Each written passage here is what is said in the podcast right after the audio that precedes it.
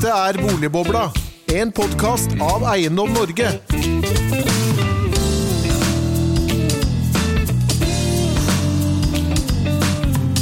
Hjertelig velkommen til neste arrangement på Boligdagen med god klang i lydanlegget. Eh, Temaet nå er boplikt til besvær. Hva betyr boplikten for eh, boligprisene, dynamikken i boligmarkedet og bosetting i distriktene?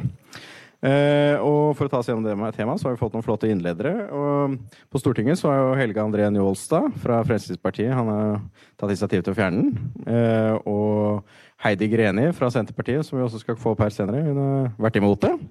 Og så har vi i Arendal, så er det lokale krefter i Arbeiderpartiet blant annet, som, som ønsker å gjeninnføre boplikten etter at den ble fjernet i 2014. Og så er det jo da Viktor Nordmann, professor fra Handelshøyskolen i BU og bysbarn fra nabobyen i Risør. Han vil heller ha bolyst enn boplikt. Og du har ledet også distriktsutvalgets um, utredning. Så da vil jeg begynne med å gi ordet til deg, Viktor Nordmann. Boplikten. Heller bolyst. Vær så god. Tusen takk for det. Jeg har veldig bolyst i Risør, selv om de har boplikt der.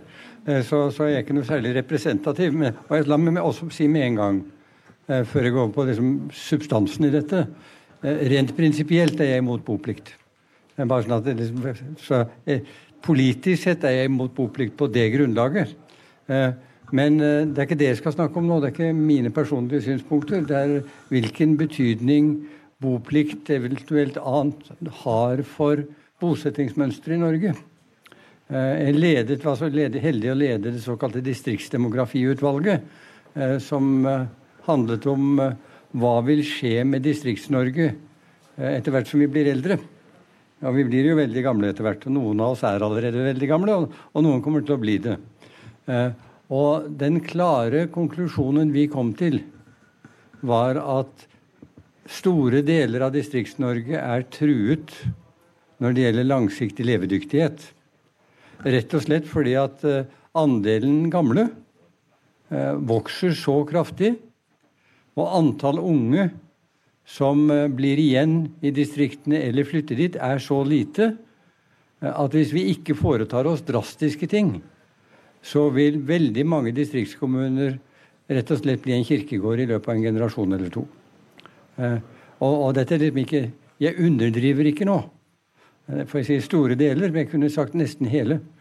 Men det finnes selvfølgelig unntak. Og så er det også viktig å huske på at distrikter i denne sammenheng er mye mer enn bygder. For akkurat det samme gjelder små og mellomstore byer i Norge. Det gjelder faktisk nesten også de store byene. Det ene unntaket vi har for demografiutfordringene i Norge, det er Oslo og området rundt. Selv Bergen sliter med, med hvordan i all verden de skal unngå at befolkningen blir så gammel at stedet ikke blir bære, bærekraftig. Og la meg bare legge til Arendal skiller seg ikke ut i positiv retning. Altså Ser en på aldersstrukturen i Arendal og sammenligner med andre byer av tilsvarende størrelse, så er Arendal i ferd med å bli en gammel by. Så, så det er problemstillingen vår. Den problemstillingen den, Det finnes bare én løsning på den. Og det er at vi må få unge mennesker til å være villige til å prøve livet i et litt mindre format enn det de har i Oslo til nød i Bergen eller Stavanger eller Trondheim eller kanskje Tromsø. Eh, og det er en kjempeutfordring. Og det er en kjempeutfordring på, på flere måter. Eh, det er en utfordring i den forstand at de fleste unge mennesker i dag får heldigvis rimelig høy utdannelse. Eh, og med rimelig høy utdannelse så er jobb og jobbvalgmuligheter som oftest viktigere enn bosted. Og de ønsker ikke bare én jobb. Den gjennomsnittlige høyskoleutdannede nordmann skifter jobb syv til åtte ganger i løpet av sitt yrkesaktive liv. Og skal de ha frihet til å kunne gjøre det, og ikke sitte innelåst i den første eller andre jobben de får, så må arbeidsmarkedet være stort nok og velutviklet nok til at det går bra. Vi er heldigvis i en del av landet hvor det er mulig. For, for takket være de relativt gode kommunikasjonene man har i, i Agderbyen, eh, så har folk som bor i Arendal eller Grimstad Lillesand eller Kristiansand eller Mandal, til og med i Risør, et, sto, et stort arbeidsmarked å forholde seg til. Eh, men i andre deler av landet det er kanskje hovedutfordringen. Eh, det andre er at de vi egentlig skal ha til å flytte til, ut av, av Oslo, det er ikke unge mennesker. Det er unge kvinner. For det er unge kvinner som egentlig bestemmer også hvor mennene havner.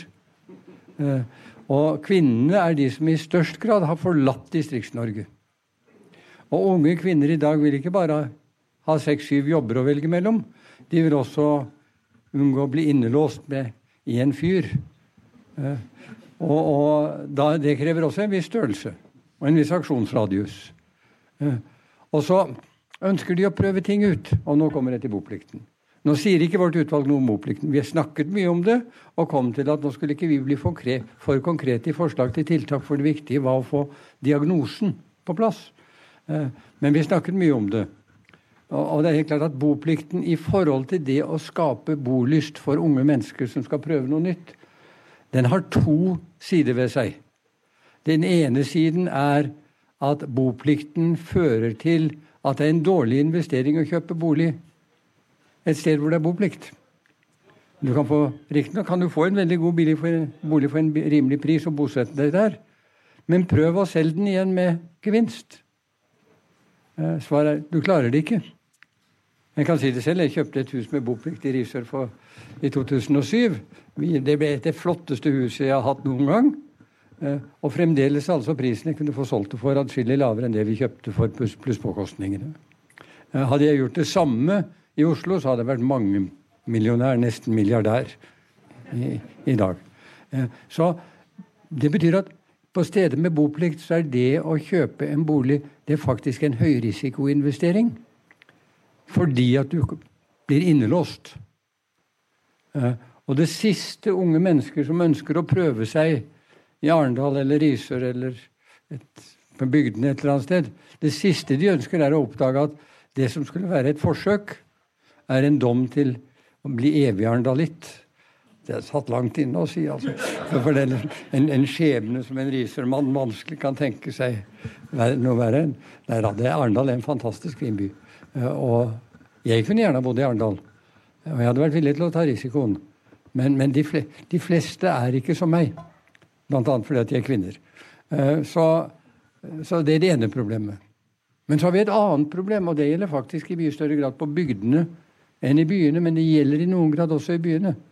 Og det er at disse gamle folkene som sitter på bra eiendommer eh, På et eller annet tidspunkt så forsvinner mannen av naturlige årsaker.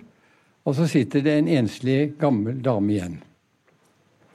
Hennes store drøm er å flytte fra gården eller det store huset med den store haven og til noe mer praktisk. Og kanskje til og med til noe som kan fungere når en blir gammel. Eh, og det kan hun gjøre. Men barna vil ikke tillate det hvis det er boplikt. De vil ikke tillate at hun selger gården eller selger huset for at hun skal få en tjenlig liten leilighet. For de har sett for seg at pga. boplikten så har de en eminent mulighet til å skaffe seg en fin fritidsbolig når bare gamlemor er borte. Og dette ser vi mye av. altså. Dette ser vi så mye av at det er et problem i mange distriktskommuner med organisering av tjenester til gamle mennesker. De ville gjerne flytte, men ungene vil ikke tillate. Og det betyr at eh, det kan være gode, sikkert gode grunner til å, til å være for boplikt, selv om jeg ikke ser det. Eh, men, men, hensynet til bolysten for folk som vi ønsker å ha i distriktene, gjør i hvert fall at en bør tenke seg om to eller tre eller fire ganger før man opprettholder eller innfører boplikt på et område. Så Det var vel det jeg hadde tenkt å si. Var ikke dette glitrende sagt? Det var Glitrende, og du kan stå videre, Viktor. For da skal vi eh, få opp eh, politikerpanelet. Du har jo også vært politiker, selvfølgelig, som alle husker og vet. Eh, Helge André Njålstad fra Fremskrittspartiet, velkommen til deg. Heidi Greni fra Senterpartiet, velkommen til deg. Og Nina Jentoff fra Arbeiderpartiet her i, i, Oslo. Dere to er jo stortingsrepresentanter, selvfølgelig. Helge André, dere har jo er det hvert år? Er det hver periode? Dere foreslår å oppheve konsesjonsloven og boplikten eh, i Fremskrittspartiet? Vi har gjort det en del ganger, vi gjorde det vel sist i fjor. Eh, men det er ikke sånn ritual at vi, at vi bare snur, eh, snur, snur, bunken. Men eh, dette hadde vi jo veldig lyst til å gjøre når vi satt i regjering òg, men da hadde vi to små partier som var litt, litt vanskelige for å bestemme det nasjonalt. Men det er noe vi har lyst til. og Nå fikk vi påfyll av gode argument på hvorfor det er fornuftig å og ikke instruere folk sine liv så detaljert som ja, så Sylvi Listhaug vil jo fjerne hele, hele, regelverket. Eh, hvorfor er det en eh, god idé, da? Nei, Å fjerne boplikten, hvis det er det vi snakker om, eh, så, så, er det jo en god idé for at etter hva grunnsyn man har i samfunnet, er det politikere, storting, regjering, kommunestyre som skal bestemme over folk sine liv, eller skal folk bestemme i større grad av sitt eget liv? Eh, og da Å innføre boplikt eh, setter jo store begrensninger på hvordan folk kan leve sine liv. Så vi ønsker ikke at, eh, at den beslutningen skal takes i et kommunestyre eller i Stortinget. Vi ønsker at den skal takes av hver enkelt innbygger og familie. Og, så det handler jo om, om grad av politikk, der vi ønsker å ha mest mulig frihet for enkeltmennesket. Men nå ble det jo nedstemt, da, det, det forslaget dere hadde nå. Det vil foreslå det igjen også, kanskje, i denne perioden? Ja, men Det kan godt hende vi foreslår det igjen. Problemet er jo at vi blir, blir nedstemt. Eh, at, eh, at, vi har nå et storting som sier at det er greit at kommuner kan eh, ha et så inngripende tiltak overfor enkeltinnbyggere. Det er et problem. Og så er det selvfølgelig også et problem at vi har lokalpolitikere som tar det i bruk. Eh, så vi kommer ikke, gi, kommer ikke til å gi, oss på at politikere på alle nivåer skal ikke ha så inngripende makt i folks hverdag som de, som de har. Men det ser dessverre ut som at vi må bli atskillig større parti. og få med oss Høyre og bli, få flertall i lag med Høyre, skal vi få fjerna boplikten, jeg er redd. Mm. Heidi Greni, øh, dere er jo selvfølgelig for boplikten. Hvorfor er dere det, da? Vi mener at kommunene skal ha mulighet til å innføre boplikt der det er fornuftig. og Vi behandla jo denne saken sist vinter. Og Der sier jo komiteen helt tydelig at øh, det vil bidra til å styrke bosetting og attraktivitet i områder som ellers ville bli, ville bli eh, prega av eh, fritidsbebyggelse, og at boplikten er et virkemiddel for å få tilgang på boliger eh, der det f.eks. er vanskelig for å få kompetanse. Og Det snedige er jo at Frp står jo inne i begge de merknadene. Så de er jo egentlig helt enige med oss at det er store fordeler med det. Eh, og jeg ser eh, enkelte kommuner som har boplikt, og som har unntak for arv har jo etter hvert eh, det har de her boligene gått i generasjoner nedover. og Eh, Røros f.eks. hadde jo boplikt i sentrum. Det har de fortsatt, men de har da unntak for arv. Og Utfordringa der er at du nå får lite attraktive bomiljøer. så det, Du får mindre bolyst fordi at eh, store eh, området er det en plastikkgranium i vinduet, og så er det beboing, er det folk der i, i sommerferien og i eh, martnan og i påska. Og Da er det heller ikke attraktivt for andre personer å bo der, fordi det er, det er svart i alle vinduer der store deler av året. Så jeg mener fortsatt at det er kommunene som skal kunne styre dette her. Mm. Nina, eh, dere, boplikten ble jo avskaffet her i Arendal i, i 2014. Men, men, eh, det var jo da under Høyres ledelse, så vidt jeg forstår. Eh, nå har dere i Arbeiderpartiet tatt initiativ, og vel også fremmet forslag, om å gjeninnføre boplikten i Arendal. Har det ikke fungert å fjerne det?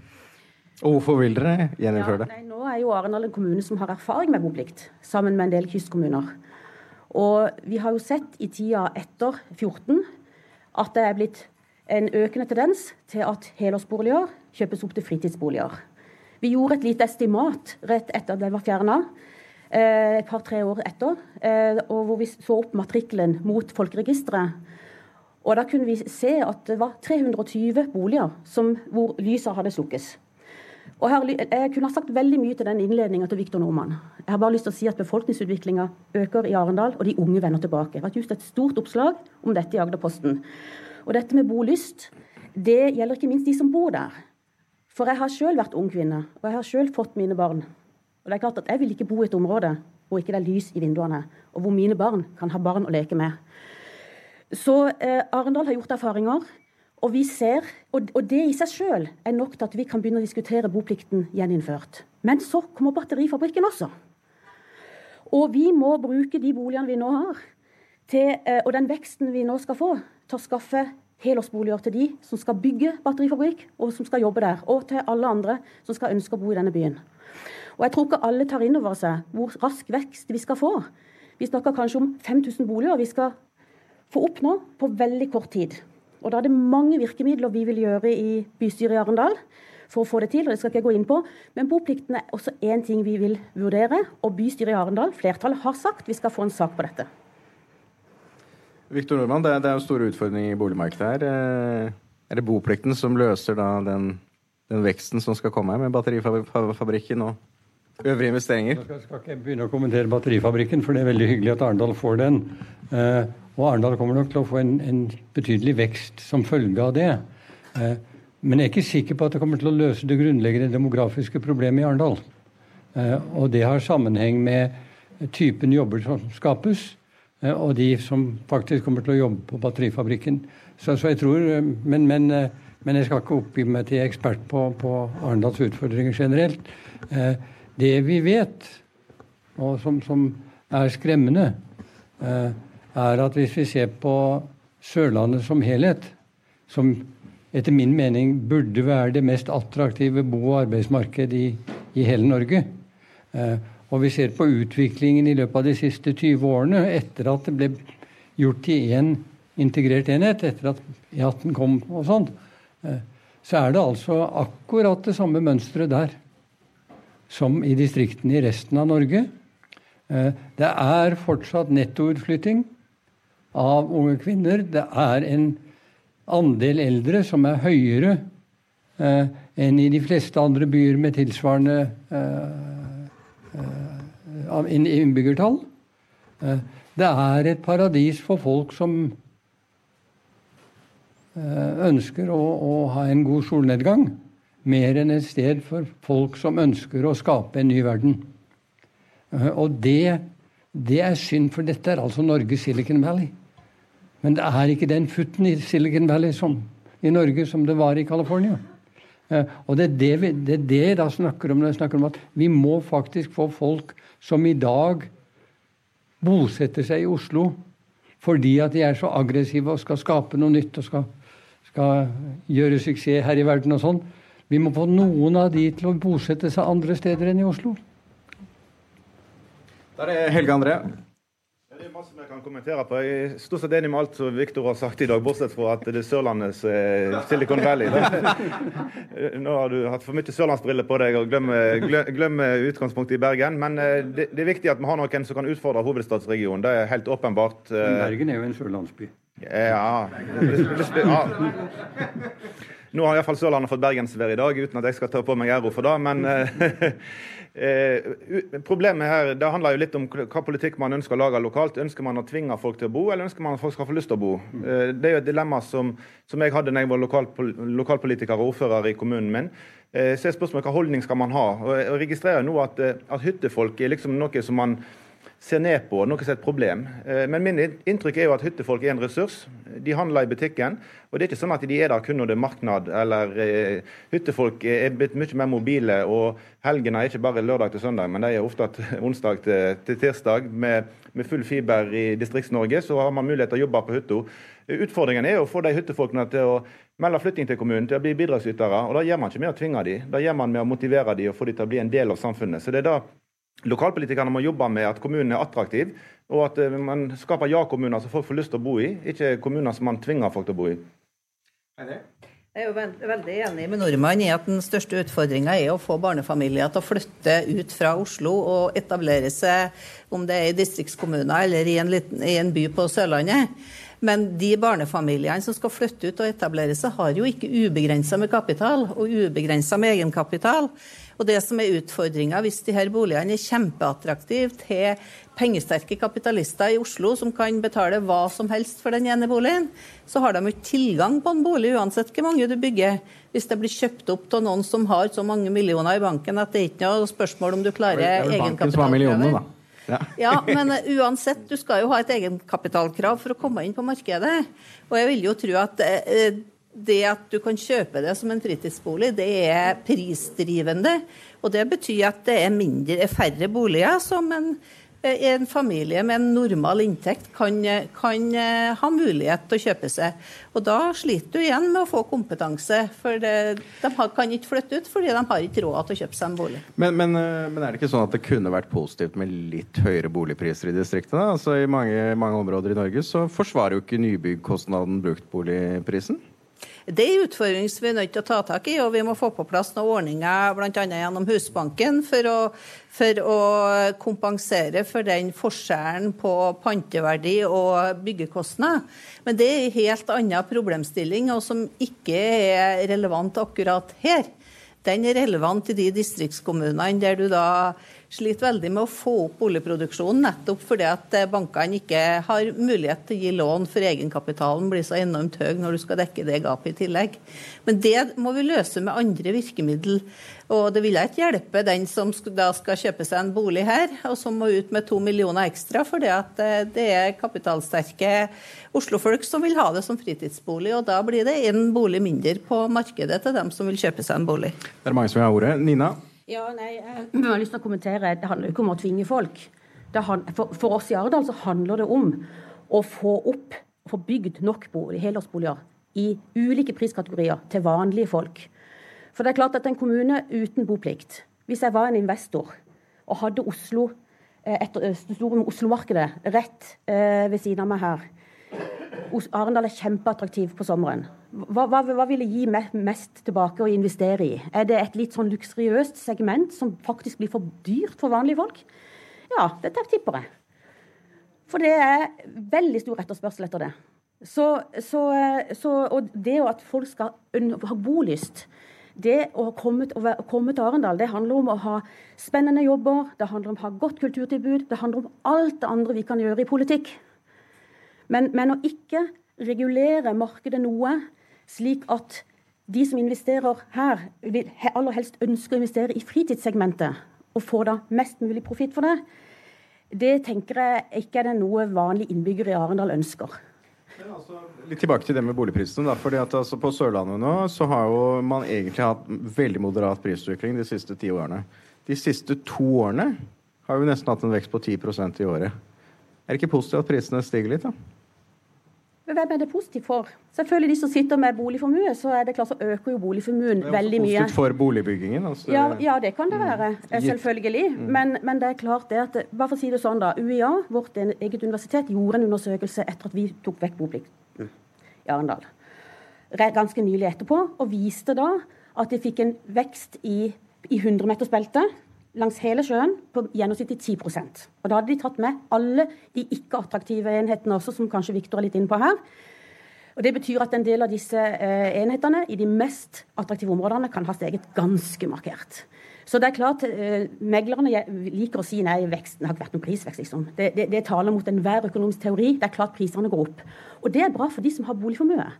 Men som politikere er jeg mer opptatt av å skaffe vanlige arbeidsfolk sin første bolig og at de kan begynne å spare i sin egen boligformue, enn at de skal skaffe folk siden nummer to, tre, fire og fem.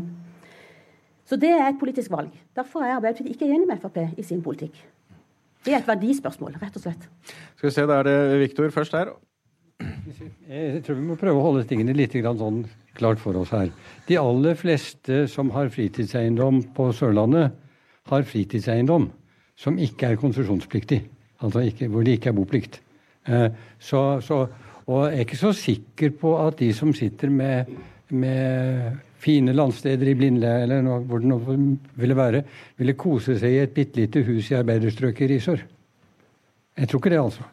Eh, så, så jeg tror ikke, det blir en sammenblanding her av turister, som gjerne kan være der lenger enn de pleier å være, og folk som har lyst til å kjøpe et, et, en helårsbolig i en sørlandsby eh, fordi at de ønsker å være der mer enn akkurat i juli måned. Eh, og så har vi det andre problemet at ja, det er boplikt i Arendal, eller i Risør, og kommer til å bli i Arendal kanskje.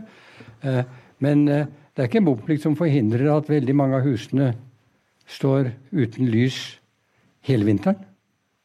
For det første fordi at det er mange som har en annen bolig nummer to i Syden, og ikke er på Sørlandet i det hele tatt om vinteren. Eh, og det andre fordi at jeg ville jo mange av disse husene som er arvet, og derved fritatt for boplikt. Eh, så til tross for at Risør f.eks. har boplikt og håndhever den strengt, så er det nesten ikke et lys å se i sentrum av byen fra september til mai. Eh, og det betyr at, Men det mener jeg ikke si at boplikt, oppheve boplikten vil løse alle problemer. Eh, jeg er veldig enig i det du sier, at vi må gjøre noe for å få boligmarkedet til å fungere bedre i distriktene. Vi må få Husbanken mer aktivt inn. Men et viktig element her må være at en får redusert den risikoen som knytter seg til å kjøpe eller bygge en bolig i distriktene. Og den risikoen har å gjøre med at boligmarkedet er tynt, eh, og at kravet til boplikt på landbrukseiendommer og kravet til boplikt på en del hus i, i strandsonen eh, gjør at eh, markedet ikke fungerer som det skal. Da vil vi ta en replikk fra Nina, og så er det Heidi. Ja. Og så er det Helge André. Ja, bare en liten replikk. Uh, du sier at Risør håndterer det strengt. Jeg vet jo i alle fall om at en del store prosjekter i sentrum, så har politikerne vedtatt å, å, å gå vekk fra boplikten i de prosjektene. sånn at det er jeg ikke så sikker på. Jeg har bare lyst til å informere de som er her, og dere om, og det er ikke sikkert dere vet det, at det har gått en henvendelse til vår regjering, til landbruksstatsråden, Eh, fra fire partier i fire kystkommuner, altså eh, Lindesnes, Arendal, Risør og Kragerø, hvor også Høyre faktisk er med på Kragerø-sida.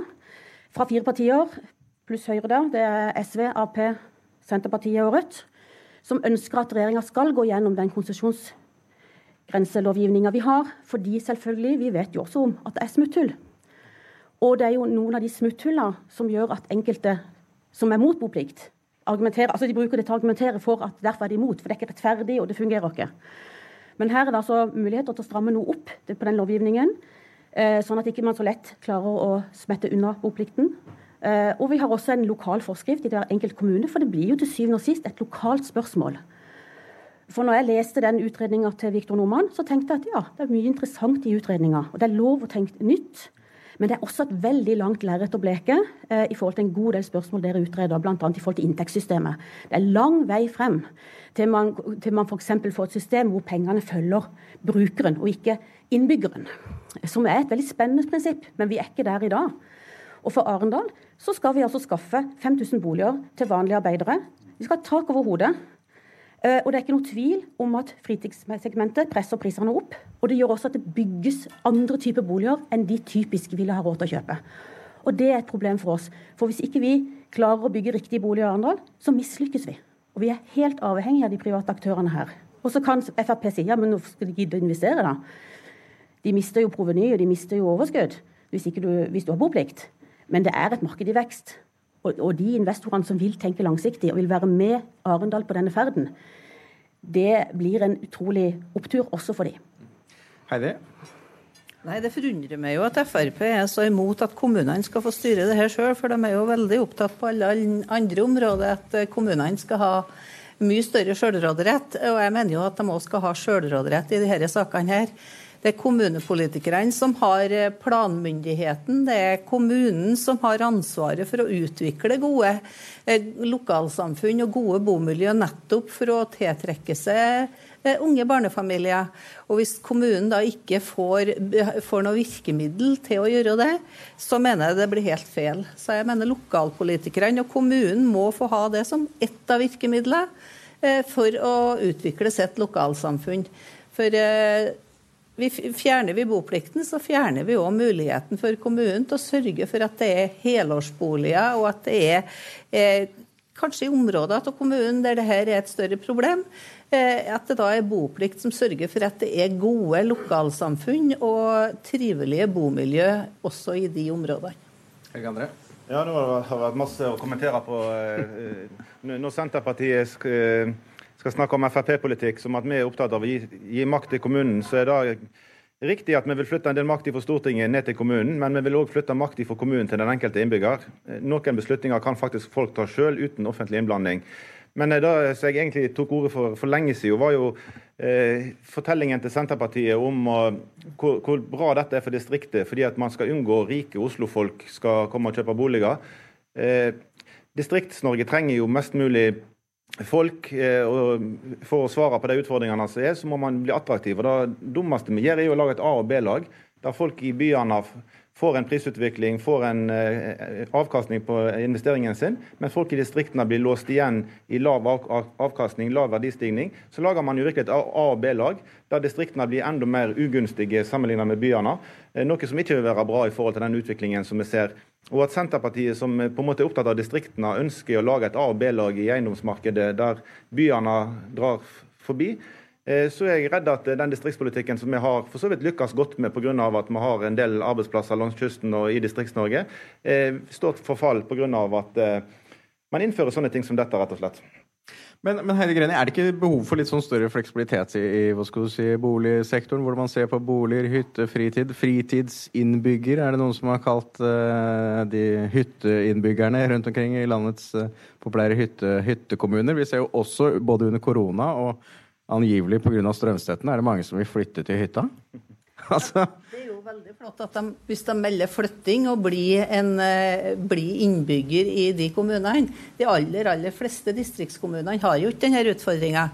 Min uh, kommune er jo ikke attraktiv for kapitalsterke, verken Oslo eller Trondheimsfolk, for å kjøpe opp boliger til til fritidsboliger. Så det er jo en helt irrelevant problemstilling. Men kunne det kanskje blitt det? For de aller, aller fleste distriktskommuner. Nei, til det tror jeg vi har for stor avstand til, til Trondheim, og samtidig for liten avstand til Røros, fordi at det, det er mer attraktivt. Eh, men eh, utfordringa er at det er kommunepolitikerne må ha den friheten. Og jeg har ikke noe tro på at det er et distriktspolitisk virkemiddel å fjerne boplikten. Eh, snarere tvert imot.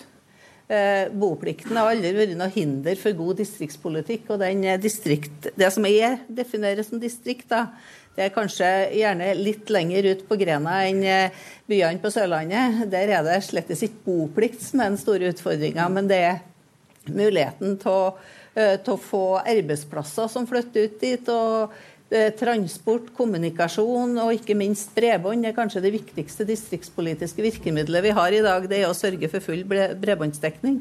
For det er jo noe som alle er avhengig av nå, uansett om du har en jobb du er avhengig av det, eller om du har en tenåring som skal sitte på nettet, eller du er jo avhengig av det sjøl i hverdagen. Hver dag og hele dagen omtrent. Så er det mange andre distriktspolitiske virkemidler som er viktige. Jeg tror ikke boplikta har noe, har noe innflytelse på distriktspolitikken. Victor? Jeg er helt enig i det, i det du sier der. Altså, Distrikts-Norge drepes ikke av boplikten. Eh, la det være veldig klart. Men Distrikts-Norge er i ferd med å dø. Eh, jeg har gleden av flere ganger, fordi at jeg har hus både i Risør og Bergen, eh, å kjøre mye opp gjennom Vest-Telemark og i Hardanger. Jeg har prøvd å se hvor mange nybygde hus det er på eneboliger det er langs veien. Og bortsett fra et par stykker i Odda, så er svaret null. Altså, poenget er at Distrikts-Norge Det er nesten ikke boligbygging på bygdene i Norge. Og hvis det er det, så er det i sentrum. Uh, og en av grunnene til dette er jo at uh, utenfor sentrum, hvor folk egentlig har lyst, har lyst, til å bo, der er det høyrisikosport å investere i, i bolig, fordi at boligmarkedet ikke fungerer. Uh, og, og jeg tror altså Vi må se på hvilken virkning det har på boligmarkedets funksjonsmåte. At vi gir kommunene muligheten til å regulere markedet så sterkt som det de gjør gjennom boplikt. Og på bygdene er det altså egentlig bo- og driveplikten på gårdsbrukene som, som, som, er det store problemet. Og, og eh, eh, driveplikten har man jo stort sett avskaffet. Så det eneste man har igjen, er boplikten. Altså Nesten all jord forpaktes jo eller drives nå av én eller to gårder i et område hvor det før var 50. Men alle de gamle gårdsbrukene ligger der. Og det eneste bo- og driveplikten innebærer i dag, er at man ikke kan selge gården uten at den går ut av familien. Da var det Nina, og så var det Heidi igjen. Jo, jeg skal ikke gå inn på landbrukslovgivninga og det. Jeg har bare lyst til å peke på at eh, utvalget, eh, distriktsdemografiutvalget ditt, det foreslår jo ingen eh, ting i forhold til boplikt. Så jeg regner ikke med at det har vært en veldig klar, eh, klar diskusjon i ditt utvalg, egentlig. Og jeg må si meg enig med Senterpartiet at jeg tror ikke boplikt er det som på en måte er, er avgjørende for hvorvidt vi lykkes i distriktene. Um, og vi har veldig ulike kommuner i dag. Det slo meg når jeg leser den utredninga. Veldig, veldig, ulike distriktskommuner også. Um, og de har ulike utfordringer og de har ulike behov. Og ulik arbeidsmarked og boligmarked. Um, og jeg tenker at uh, dette med boplikt det må først og fremst være noe lokalpolitikerne uh, må avgjøre, med den kjennskap de har til sin egen kommune. Og vårt problem her i Arendal det kan absolutt være det vi har sett i noen tilfeller av prosjekter, f.eks. på Holmen i Kilesund, hvor du på en måte får bygd et ganske luksuriøst segment opp av leiligheter som egentlig var tiltenkt de eldste i denne kommunen. At de skal kunne flytte fra sine eneboliger og inn dit. Men fordi vi ikke har boplikt, så blir prisene skyhøye. Og bygger, også investorene bygger også for dette segmentet. Selvfølgelig, for de kan tjene mest penger her. Jeg forstår det veldig godt. Det er helt legitimt, det er helt lovlig. Og alle ville jo gjort det. Men spørsmålet er jo om, det, om innbyggerne i Arendal om vi syns det er greit at vi ikke regulerer markedet litt her, sånn at vi sikrer boliger både til eldre som vil komme ut av sin enebolig, og gjøre det uten å måtte sette seg i stor gjeld på sine gamle dager. Og at vi skaffer nok helårsboliger i våre regulerte boligområder. For det er klart Arendal åpner armene til våre sommergjester og våre, våre, våre fritidsboliggjester. Og vi har masser av regulerte områder for fritidsboliger. Velkommen til oss. Det er ikke det det handler om, men det handler om å sikre helårsbeboelse i våre regulerte boområder. Skal vi se, Da var det Heidi, og så var det Viktor. Eh, I mitt område er det i hvert fall ikke odelslova eller boplikta på landbrukseiendom som hindrer omsetning til småbruk, det er fjellova.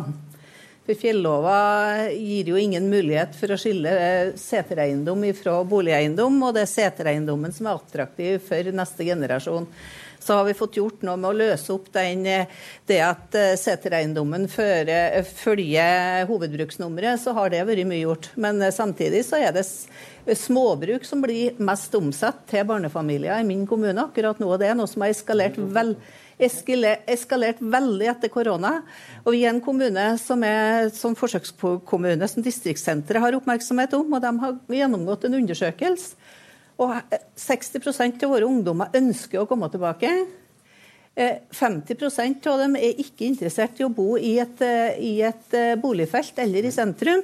De vil kjøpe seg et småbruk eller ha ei tomt på sånn ti mål, så de har litt luft og rom rundt seg og kan ha hest og kaniner og, og hva det nå måtte være. Så utfordringa er nok først og fremst statsforvalteren. Og vi er nødt til å gjøre noe med planretningslinjene og muligheten til å legge ut tomter i disse distriktsgrendene. For jeg, fått, jeg får daglig innspill fra kommuner i hele mitt fylke. Det er den store utfordringen. Unge familier ønsker å bygge, de vil bygge akkurat der. Og der får de ikke bygge fordi eh, det sies at det er for langt unna skole og sentrum og alt mulig sånn. Så det tror jeg vi må løse med statlige planretningslinjer. Veldig flott hvis vi kan bli enige med statsforvalteren som felles fiende istedenfor.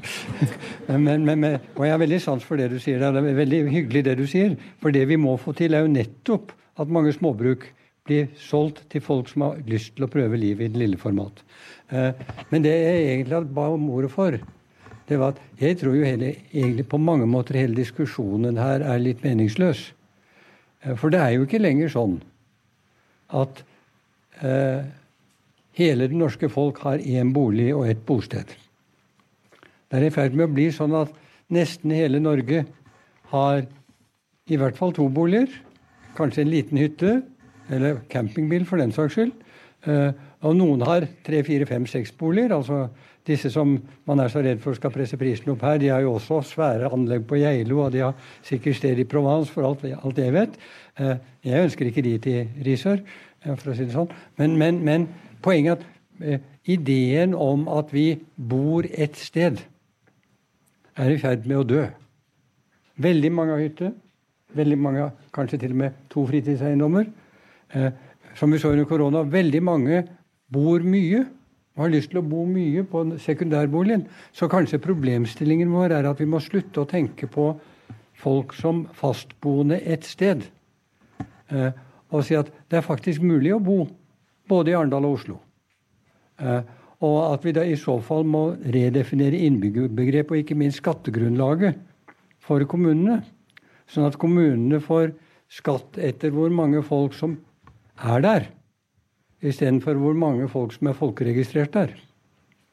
Eh, men Og, og, men den diskusjonen forutsetter et annet syn på folks liv enn det som ligger latent i boplikten. Så boplikten er sånn som jeg ser det, et gammeldags virkemiddel i forhold til å, å, å, de innbyggerne som er her i dag.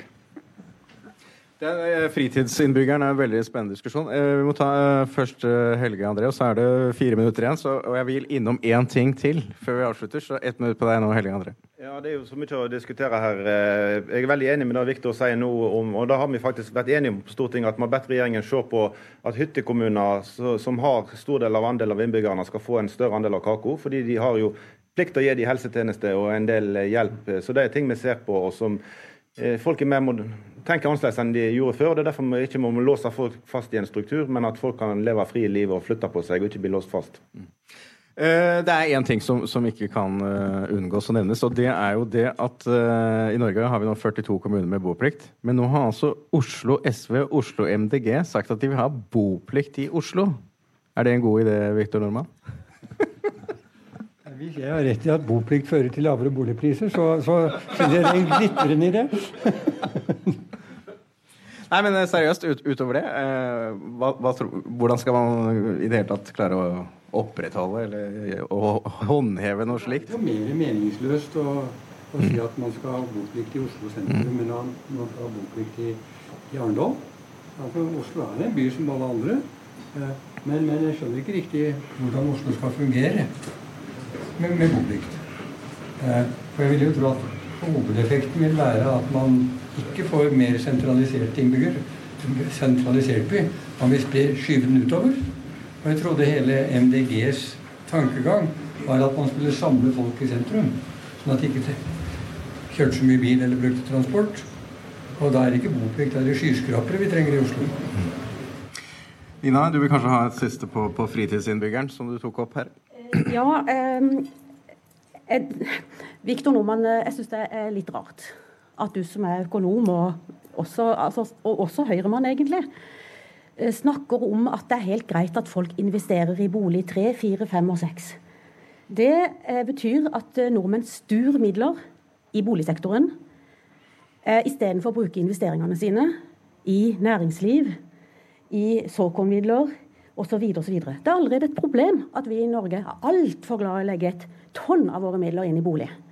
Og jeg har også lyst til å si det er ikke sånn at alle folk eier bolig i Norge i dag. Og det er ikke sånn at alle har bolig to, tre, fire og fem. Og det tror jeg egentlig var et utsagn som viser veldig godt skillelinjene i norsk politikk. Det støtter jeg ikke, altså. Det er ikke riktig. Takk. Ja. Nei, jeg tror vi kanskje skal la det tiden løpe ut. Vi har eh, Det kan ta kort ti sekunder på hver oppsummering, da. Jeg kjenner flere helt vanlige folk som har en liten gammel hytte i skjæra, og i tillegg har en uh, investert i en leilighet i Vrådal eller uh, Fyresdal. Uh, så uh, vi må ikke innbille oss at dette å ha flere tilhørigheter, at det er noe som bare gjelder eliten fra Oslo vest. Det har jeg ikke sagt. Men, men, men du får det høres ut som alle har bolig i Norge. Og det har de ikke. Åtte av ti har egen bolig, hørte vi her på sykepleierindeksen eh, for, for, forrige time. Men eh, kan du kanskje ta, ta avslutt med det, da, Helge André. Eh, foreslår du å oppheve boplikten igjen? Ja da, jeg har fått masse gode argument nå, og ikke et eneste motargument, så jeg, jeg syns var bra. Så, så da foreslår vi igjen.